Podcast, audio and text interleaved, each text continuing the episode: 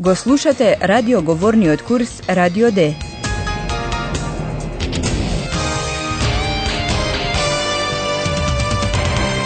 Заеднички проект на Гете институтот и Радио Дојче Веле. Авторка е Херат Мезе.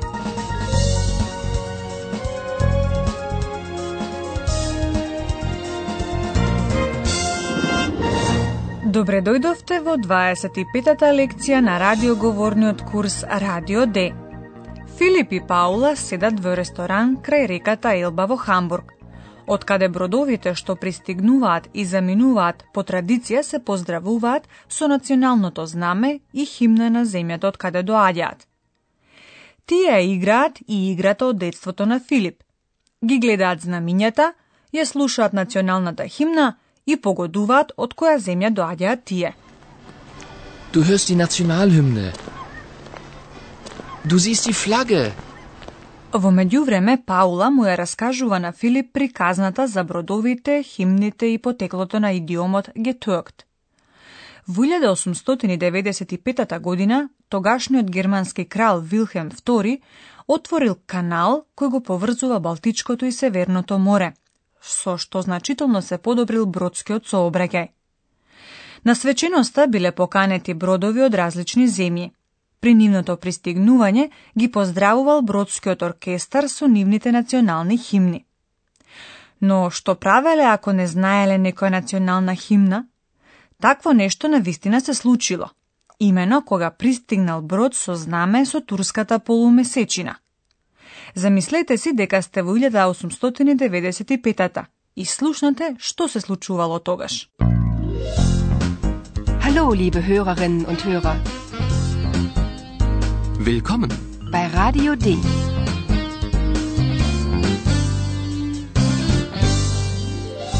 Radio D. Das Hörspiel. Обидете се да разберете како музичарите ја решиле ситуацијата – При тоа важна улога игра месечината – Монт.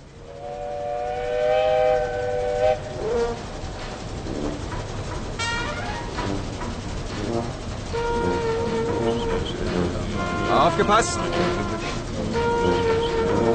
Da kommt ein Schiff. Und die türkische Hymne.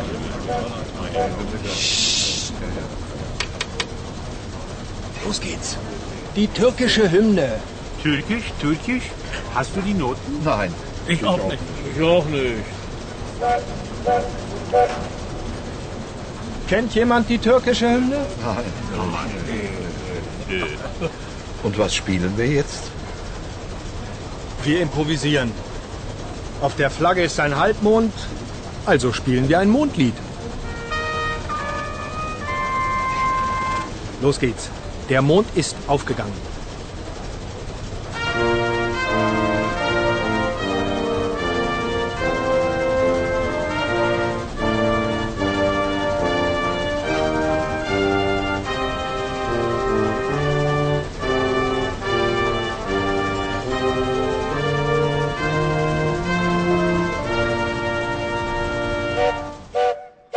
Музичарите, како што може би разбравте, импровизираат. Wir improvisieren. Но не е случаен ниту изборот на мелодијата која што ја импровизираат. Имено на бродското знаме може да се види полумесечина. Auf der Flagge ist ein Halbmond. Поради тоа, шефот на музичарите одлучил да свират една песна за месечината. Also spielen wir ein Mondlied.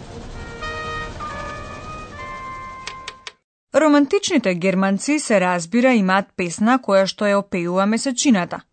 До ден денес музичарите ја свират познатата народна песна Месечината изгреа.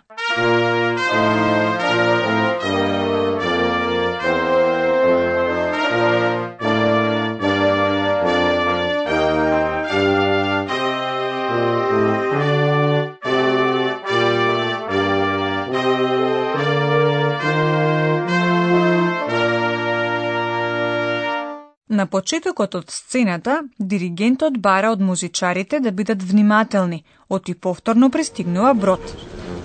Aufgepasst! Da kommt ein Schiff. Оркестарот треба да ја свири турската национална химна. Los geht's. Die türkische Hymne. Но ниту еден музичар ги нема нотите. Türkisch, Türkisch? Hast du die Noten? Nein. Ich, auch, nicht. Ich auch nicht.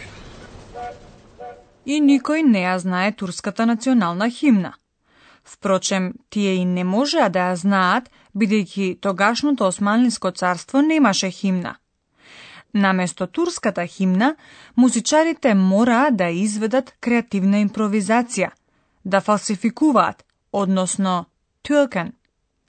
Ова е една од приказните за потеклото на зборот. Тогаш овој поим имал позитивно значење. Денес се користи во смисла кога некој се преправа или фалсификува. Значи се користи во негативна смисла и треба многу внимателно да се употребува.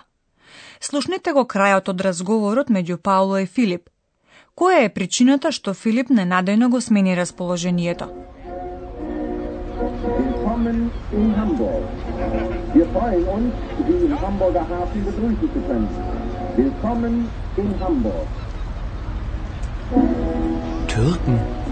Etwas improvisieren. Hm. Klingt ja interessant.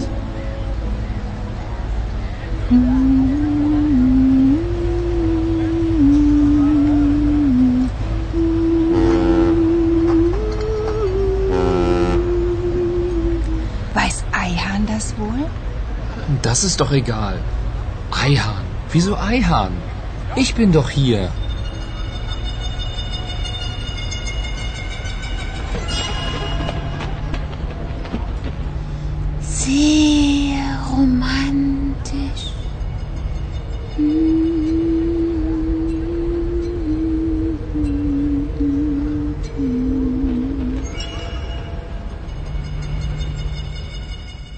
Тоа што Паула го спомна Ајхан е причината зошто Филип го смени расположението.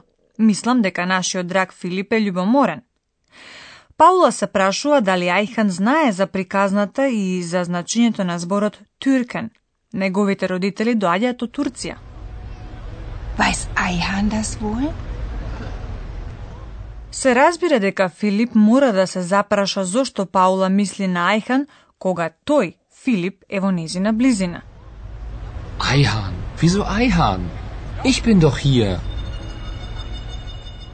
Da li Ajhan na Paula je samo simpatičen ili ima nešto poveke od toa? Da li Ojlalija znaje nešto ili na što misli koga veli romantično? Sehr romantisch.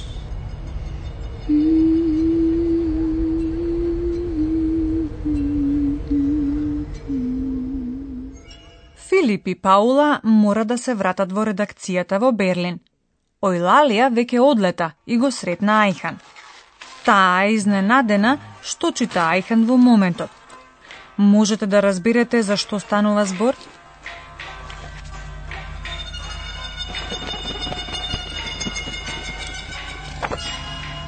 Hallo Eihahn, Hallo Eulalia.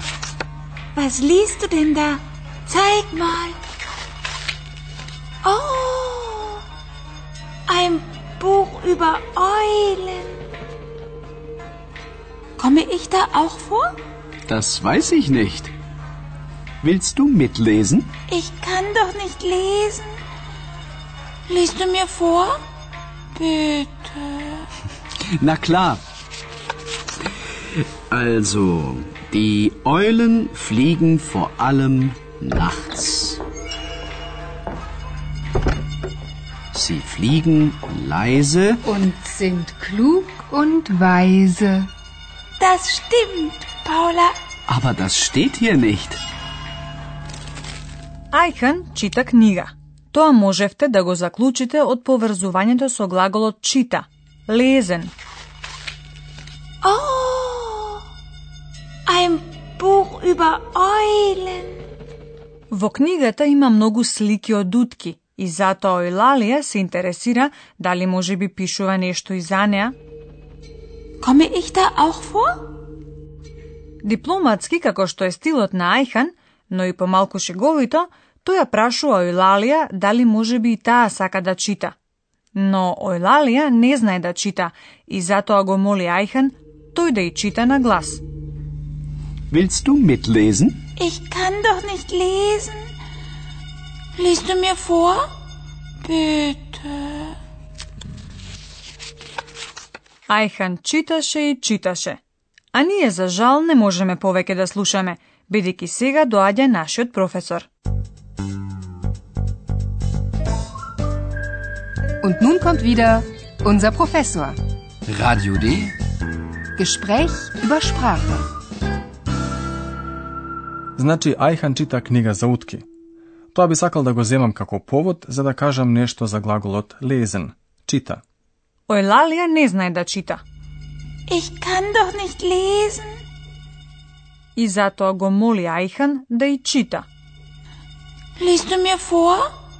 Bitte. Забележувам што сакате да ни кажете, господине професор. Тука треба да се внимава на две работи. Фоалезен, некому да му читаш, е глагол со делив префикс. Фоа. Vorlesen. Да, освен тоа кај глаголот лезен, како и кај некои други глаголи, се менува вокалот во основата на глаголот. Во второ и трето лице е се менува во и е. Слушнете го тоа уште еднаш. Lesen. Was liest du? Was liest du denn da? Глаголи кои што го менуваат вокалот, го менуваат и кога имаат префикс, како што беше случајот со лезен и. Vorlesen. Liest du mir vor? Ви благодарам, господине професоре. Ние нема да ви читаме повеќе, туку сега можете сами да ги слушнете сцените уште еднаш.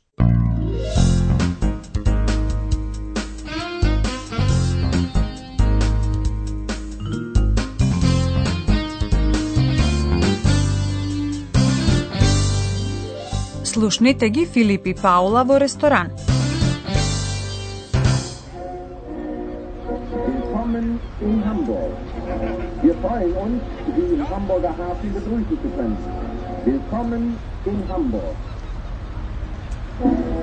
Türken? Etwas improvisieren? Hm, klingt ja interessant. Weiß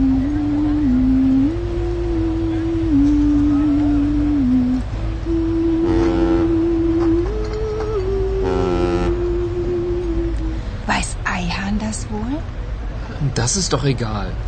Eihahn. Wieso Eihahn? Ich bin doch hier.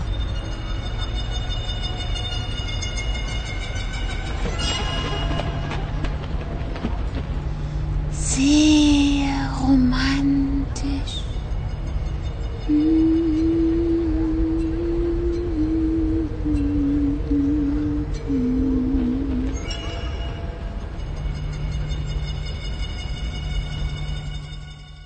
Слушнете што прави Ајхан.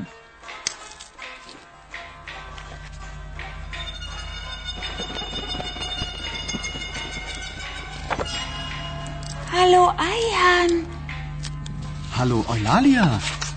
was liest du denn da? Zeig mal. Oh, ein Buch über Eulen. Komme ich da auch vor? Das weiß ich nicht. Willst du mitlesen? Ich kann doch nicht lesen. Liest du mir vor? Bitte. Na klar. Also, die Eulen fliegen vor allem nachts. Sie fliegen leise Und sind klug und weise. Das stimmt, Paula. Aber das steht hier nicht. Во наредната лекција ќе се случи нешто непредвидливо, што особено Паула нема да ја радува многу.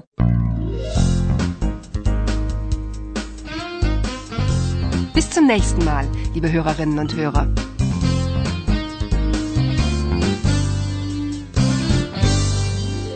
Го слушавте Радио Д, курсот по германски на Гете институтот и Радио Дојче Веле. Und tschüss.